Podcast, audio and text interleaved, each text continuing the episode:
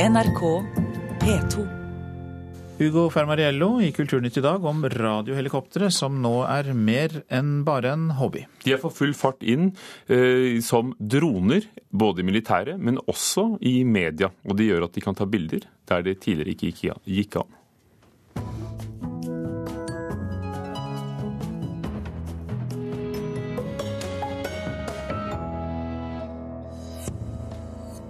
Norske medier bruker allerede droner for å ta bilder. Ni av ti mener det er ugreit, ifølge ny undersøkelse. Grand Prix var bedre før, sier Bjørn Ulveus fra ABBA. Han håper England vinner i år. De kan ha finalen i Brighton neste år, 40 år etter vi vant den. Og i Tyskland i dag markeres det at det er 80 år siden nazistenes bokbål. Droner er på vei inn i journalistikken. Dette er altså små, ubemannede flyfartøy som styres fra bakken og brukes til å ta bilder eller video. Alle de største mediene i Norge har allerede brukt droner, eller vurderer å gjøre det snart. Men en undersøkelse fra Datatilsynet om nordmenns holdninger til personvernspørsmål viser at et stort flertall er imot at media skal bruke ubemannede droner. Måten å starte den på, at du tar stikkene i en sånn spesiell posisjon. Da starter den opp. Og så er det bare å gi gass. Og da ser du, nå gir jeg bare på den ene stikka. Og da løfter han seg. Og da står han jo, ser du. Jeg rører ikke stikkene, og han står. Automatikken holder han. Han er det nærmeste vi kommer en droneansvarlig i NRK. Reidar Otto Johnsen er senioringeniør i NRKs teknologiavdeling. Ta den framover, så gjør jeg bare sånn. Droner er små, ubemannede flyfartøy som kan ligne litt på radiostyrte helikoptre. De største mediene i Norge har allerede brukt eller vurderer nå å bruke droner til å ta bilder og video i tiden som kommer.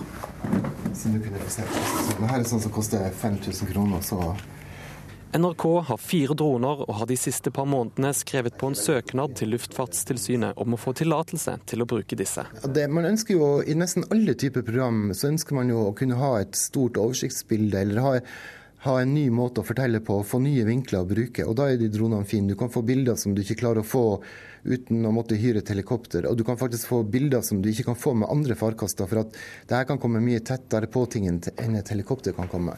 Men nordmenn er skeptiske til at media skal bruke droner. En rapport vi la fram. Ove Skåra er informasjonsdirektør i Datatilsynet. Tidligere i år gjorde de en undersøkelse sammen med TNS Gallup, der et overveldende flertall sier at de ikke synes det er greit at media bruker droner. Som du ser, så sier folk at eh, i redningstjeneste, opp mot 100 sier at det er helt greit. Det gjelder media, så ser vi at eh, ca. 90 sier at det, det ikke er greit. VG og Dagbladet har ikke tatt droner i bruk enda, men sier til NRK at de vurderer det fortløpende. TV 2 og Aftenposten har i likhet med NRK hatt droner i lufta allerede.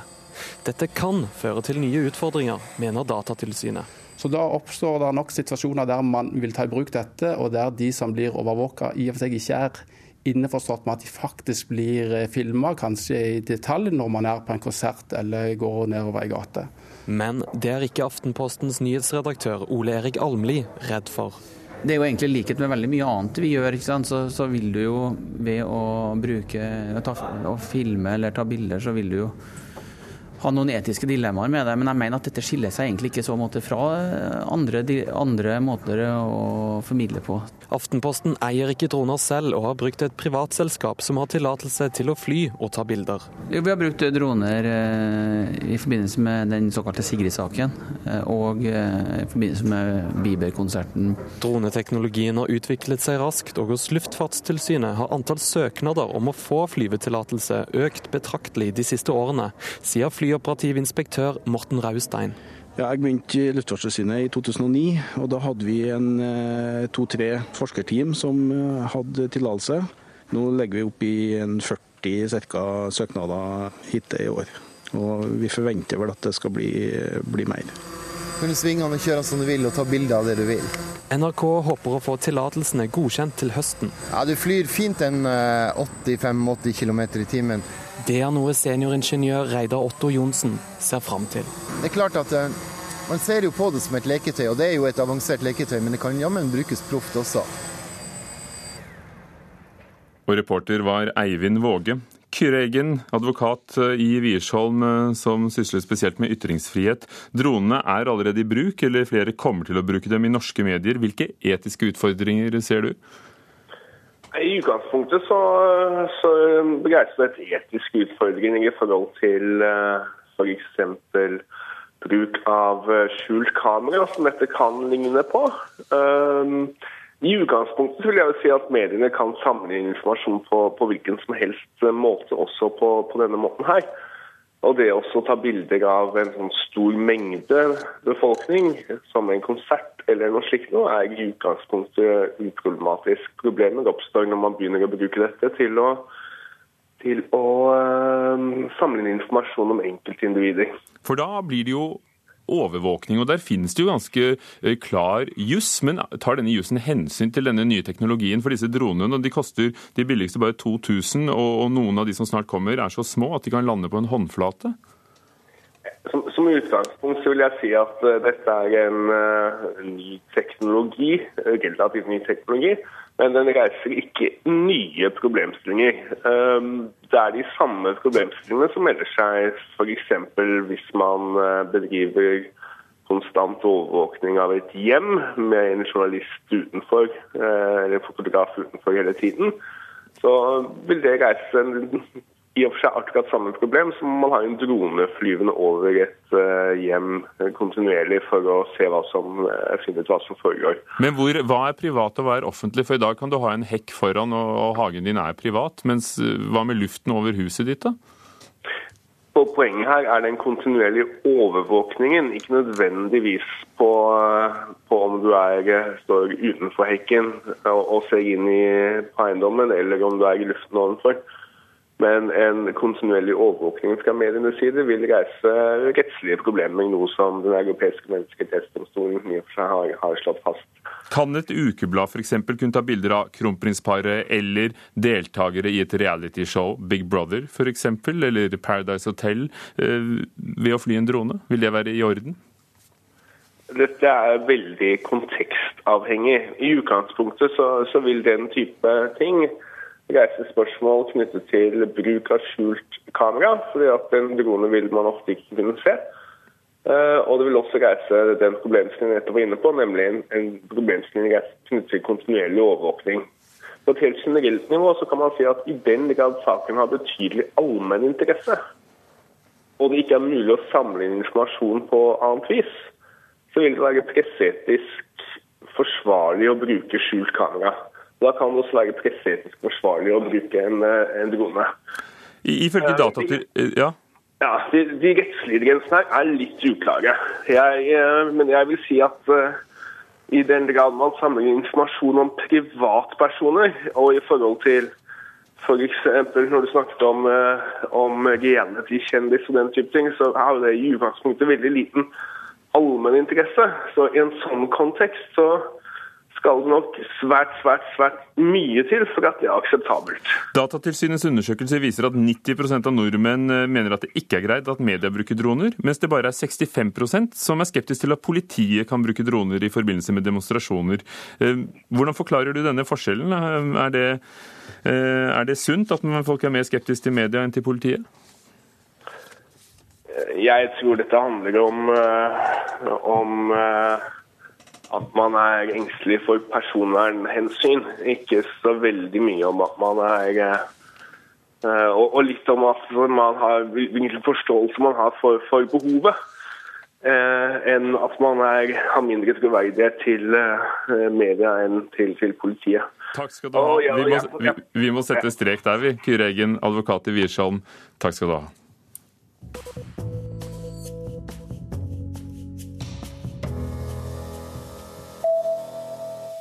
For første gang skal eh, internettjenesten YouTube lansere abonnementskanaler hvor brukerne må betale for videoene på nett. Videonettstedet har én milliard besøkende hver måned og eies av internettgiganten Google. Videoer som Sesam Stasjon og monologer av kjendiser er blant tilbudene på 30 ulike kanaler, som vil koste fra 5,5 til 30 kroner i måneden. Norske medier klarer ikke å følge opp viktige samfunnsområder som EU og klima. Det viser en ny rapport som ble lagt frem under nordiske mediedager i Bergen i går. Kutt og nedbemanning i de norske redaksjonene er en av årsakene. Sven Egil Omdal, som har ledet utvalget, garvet journalist fra Stavanger Aftenblad, etterlyser en mer offensiv mediepolitikk fra staten, skriver Klassekampen. Og flere publikummere måtte oppsøke lege etter å ha sett eh, en oppsetning av Wagners Tannhäuser på Rhino-operaen i Düsseldorf. Det var eh, scener eh, som viste holocaust som gjorde det sterke inntrykket. I en av scenene blir en familie kledd av og får barbert hodene før de blir henrettet. En annen viser mennesker som faller til gulvet mens de blir omgitt av hvit gass.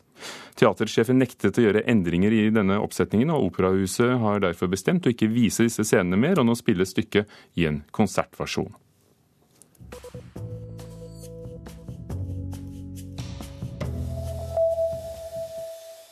Melodi Grand Prix handler for lite om musikken og for mye om showet, mener Bjørn Ulveus fra ABBA. Sammen med Benny Andersson har han laget åpningsnummeret til årets finale i Malmö. Han garanterer at det ikke er noen fra ABBA som skal fremføre dette nummeret. Det har derimot flere medier spekulert i. Det er det ikke. Det kan jeg si direkte. Det er det ikke. Den kommer å synges av en stor kør. Eh, de deltakende skal toge inn til, til den sången. Bjørn Ulveus, verdenskjent artist og låtskriver fra popgruppen ABBA, beskriver åpningsscenen under årets internasjonale Grand Prix-festival i Malmö neste uke. Sammen med Benny Andersson og den 23 år gamle DJ-en Avisi har han laget åpningslåten, som vi ikke får høre før neste uke.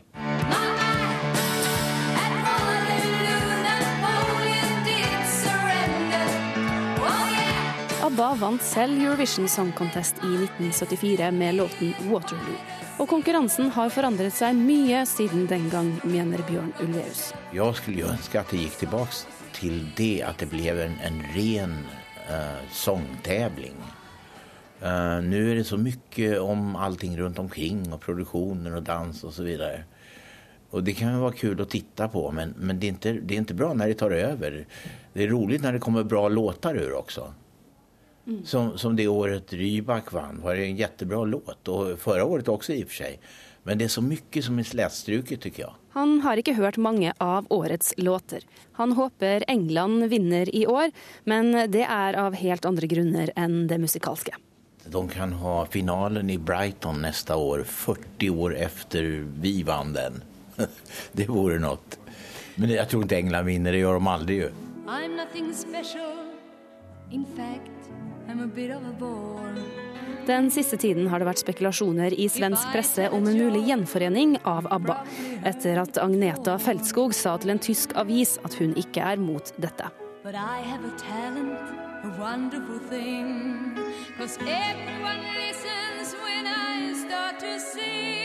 Så jeg har ikke pratet med henne siden dess. Jeg vet ikke hva hun har sagt. Men, men jeg vil ikke være med. Men da det, det det, nej, det, det, det, det finns inga som helst planer på det. Om det av, av någon slags mirakel skulle vara så att vi hade tolv fräscha nya poplåtar av världsklass. Men sånt kommer inte ur tunn luft. Vet du.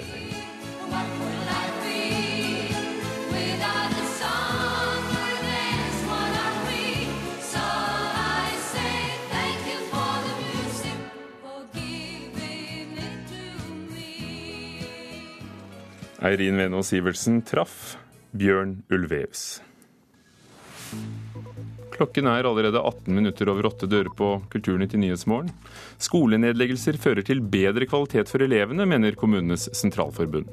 Syria har avfyrt 200 raketter med kjemiske våpen mot opprørerne, ifølge Tyrkias statsminister. Og nok en gang blir Kulturnytts anmelder begeistret for en av Malis store stemmer, Rukia Traoré, som vi hører senere i sendingen. I dag, for 80 år siden, foregikk nazistenes beryktede bokbrenning.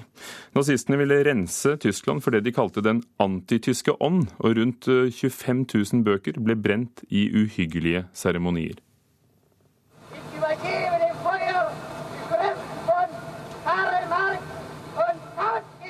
Jeg lar ilden oppsluke bøkene til Karl Marx og Trotskij, skriker en nazileder foran et enormt bokbål. Stedet er Operaplassen her i Berlin for 80 år siden. Her har nazistene samlet bøker fra flere hundre forbudte forfattere, de fleste av dem jøder. Til stede under arrangementet er propagandaminister Josef Goebbels. Das Zeitalter eines überspitzten jüdischen Intellektualismus ist nun zu Ende. Tidsalderen for de jødiske intellektuelles dominans er nå slutt. Vår tyske revolusjon har åpnet en ny vei der vi skal skape en ny type mennesker. Mennesker med karakter og med gode tyske holdninger, sier propagandaministeren. Bokbrenningen den 10. mai 1933 var et viktig forvarsel om hvor nazistene skulle bringe Tyskland og Europa, sier historikeren Bjørn Weigel. Die Nationalsozialisten haben das als Symbol des Aufbruchs gesehen nach 14 Jahren Weimar. For nazistene var bokbålene et viktig symbol på en ny tid. Etter 14 år med Weimar-republikken skulle man endelig kvitte seg med det Hitler og nazistene så på som en foraktelig, dekadent jødisk litteratur og kultur. Dette var et symbol på at landet var i fremgang og fornyelse etter at nazipartiet NSDAP hadde sikret seg statsmakten bare drøyt tre måneder tidligere, sier historikeren.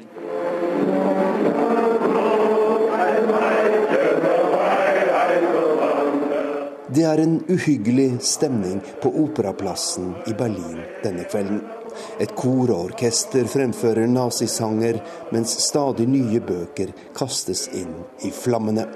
Og det er ikke bare i Berlin det tennes bokbål. Også en rekke andre byer rundt om i Tyskland holder lignende seremonier.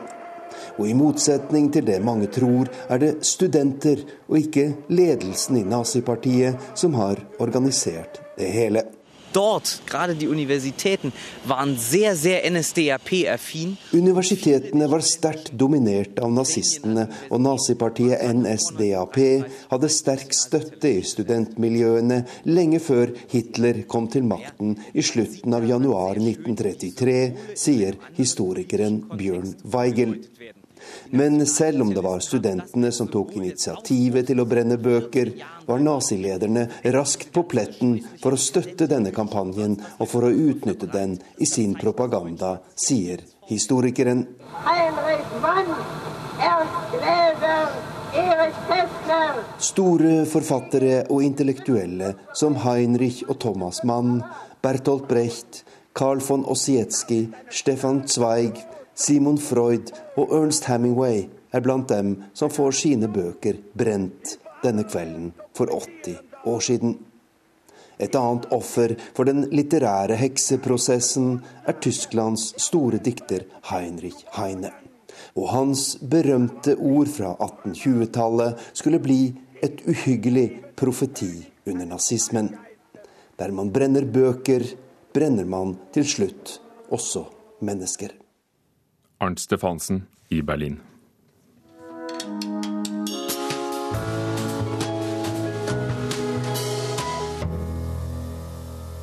Gitarist, sanger og låtskriver Rokia Traoré har laget sitt femte album. Det er tradisjonelle vestafrikanske toner som gir, gir energien, og så er det mye mer rocka enn tidligere, sier vår anmelder Kjetil Bjørgan. Ansiktet virker ettertenksomt. Hun sitter på en gitarforsterker i et svart rom med en gitar lenende mot bakveggen. Rokia Traoré, 'Beautiful Africa'. Selv karakteriserer hun musikken sin som progressiv afrorock. Selve kjernen er hjemlandet Mali. Der henter hun mye av sin musikalske energi og inspirasjon. Men når du spisser ørene, hører du at Rokia Traoré virvler opp mange musikalske impulser, som hun lager sin høyst særegne musikk av. Spilt inn i Bristol med John Parish som produsent, bl.a. kjent for sitt samarbeid med PJ Harvey. nan fɔlɔ mana gwɛlɛya i ma k'i y'a ɲɛɲini sanfɛ ka ɲɛɲini dugu ma ka ɲini san ni dugu cɛ na ma nɔgɔya ala filɛ jɔnni bɛ ko ko la Det er rytmen som åpner opp døra for meg. En rytmikk med et ganske rocka preg. Hardere enn på Rocca Troarés tidligere plater, forsterka av samarbeidet med Parish. Og når jeg går inn i musikken og hører etter hva som skjer blant trommesettet og den elektriske gitaren, finner jeg et sammensatt mønster av rytmiske smådeler som er kobla i hverandre på en finurlig måte. Samtidig som den også klarer å beholde sin suggererende enkelhet. Alle strengeinstrumentene, både de tradisjonelle og de elektriske, er gjensidig avhengig av hverandre for å få retning i musikken. De spiller mot hverandre og får en litt gyngende karakter. På toppen glir nærmest Rokia Traoré på instrumentene. Åh, dette er bra.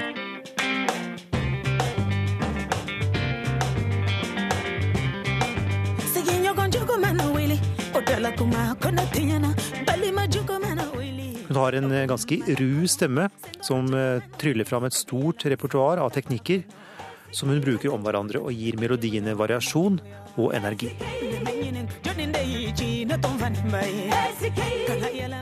Andre ganger virker hun sint.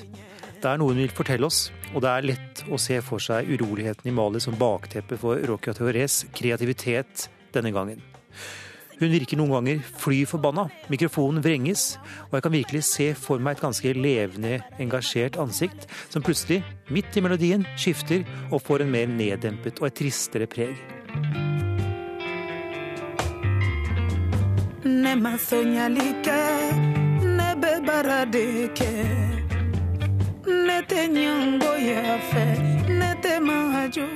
Du trenger ikke kunne Bambara for å forstå at det er noe hun vil eller fransk eller engelsk for den sakens skyld.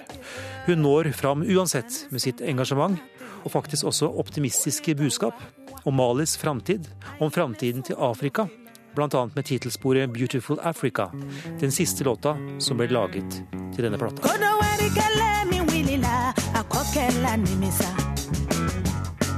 Badelagine kauka kele akokela nimisa Kongo Zaire kele mina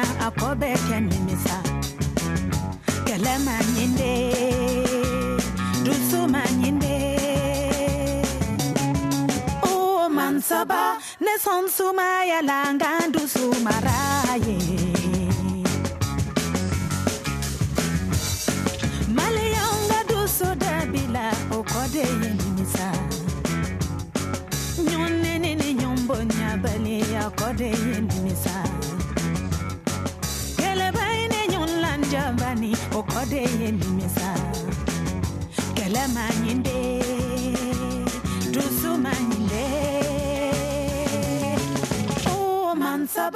mansaba ne sonsuma yalanga dusu maraye anga politiki moko ukabembali atefamude bembali yakumana ke nafoloko ye atefamude ala. Kjetil Bjørgan som hadde hørt Rokia Traoré, som vi hører i bakgrunnen her, fra Mali og hennes femte plate. Vi tar med at Bernardo Bertolucci, den italienske regissøren, skal lede juryen for filmfestivalen i Venezia i år. Det er den 70. i rekken. Bertolucci, ikke minst kjent for Siste tango i Paris med Marlon Brando, eller Den siste keiser, som fikk en mengde priser overalt. Tatt opp i Kina på 80-tallet, var også juryleder i 1983, og han sier at han nå, som da, ønsker filmer som overrasker og gleder. Bertolucci er nå 73 år gammel og har akkurat laget sin første nye film på ti år, 'Meg og deg', og nå skal altså lede juryen i Venezia. Kvinner opplever mest netthets, og det er tema på nordiske mediedager i Bergen. Ekko om en halvtime i P2 sender direkte fra mediedagene, og programleder Mona Myklebust, hvorfor er det slik at kvinner er mest utsatt? Ja, Det er i hvert fall noe av det vi skal prøve å finne svar på i sendingen vår i dag. Eh, vi har invitert eh, kvinner som eh, blir netthetset. Vi har invitert en atferdsbiolog, vi har en psykolog, vi har kommentatorer fra aviser. Og ja, vi får se om vi klarer å finne svar på hvorfor man på nett møter de som elsker å hate deg. Dere sender direkte, men dere er også en del av selve konferansen? Ja, vi håper på full sal. Det er plass til 300 her, så hvis folk er i Bergen, så får du se om de kan klare å komme seg inn. Men også kan man se oss. Du kan se Ekko for en gangs skyld. Gå inn på Nordiske mediedager på nett, så kan du se sendingen, eller følge den direkte på NRK P2, selvfølgelig. Om en halvtime Ekko. Takk skal du ha, Mona Myklebust. I Kulturnytt i dag har vi hørt om droner som mediene allerede har brukt, eller i hvert fall vil bruke og har kjøpt inn. Men ni av ti nordmenn sier i en undersøkelse at det ikke er greit at eh, pressen tar bilder fra ubetjente helikoptre. Og Bjørn Ulveu sier at gjenforening av ABBA er helt uaktuelt, med mindre noen kommer opp med tolv freshe poplåter. Slik sa han det. Og i dag er det 80 år siden nazistenes bokboll i Berlin. Per Ivar Nordahl var teknisk ansvarlig, Vidar Sem produsent, Hugo Fermarello programleder. Dette er Nyhetsmorgen. Klokken er straks halv ni. Hør flere podkaster på nrk.no podkast.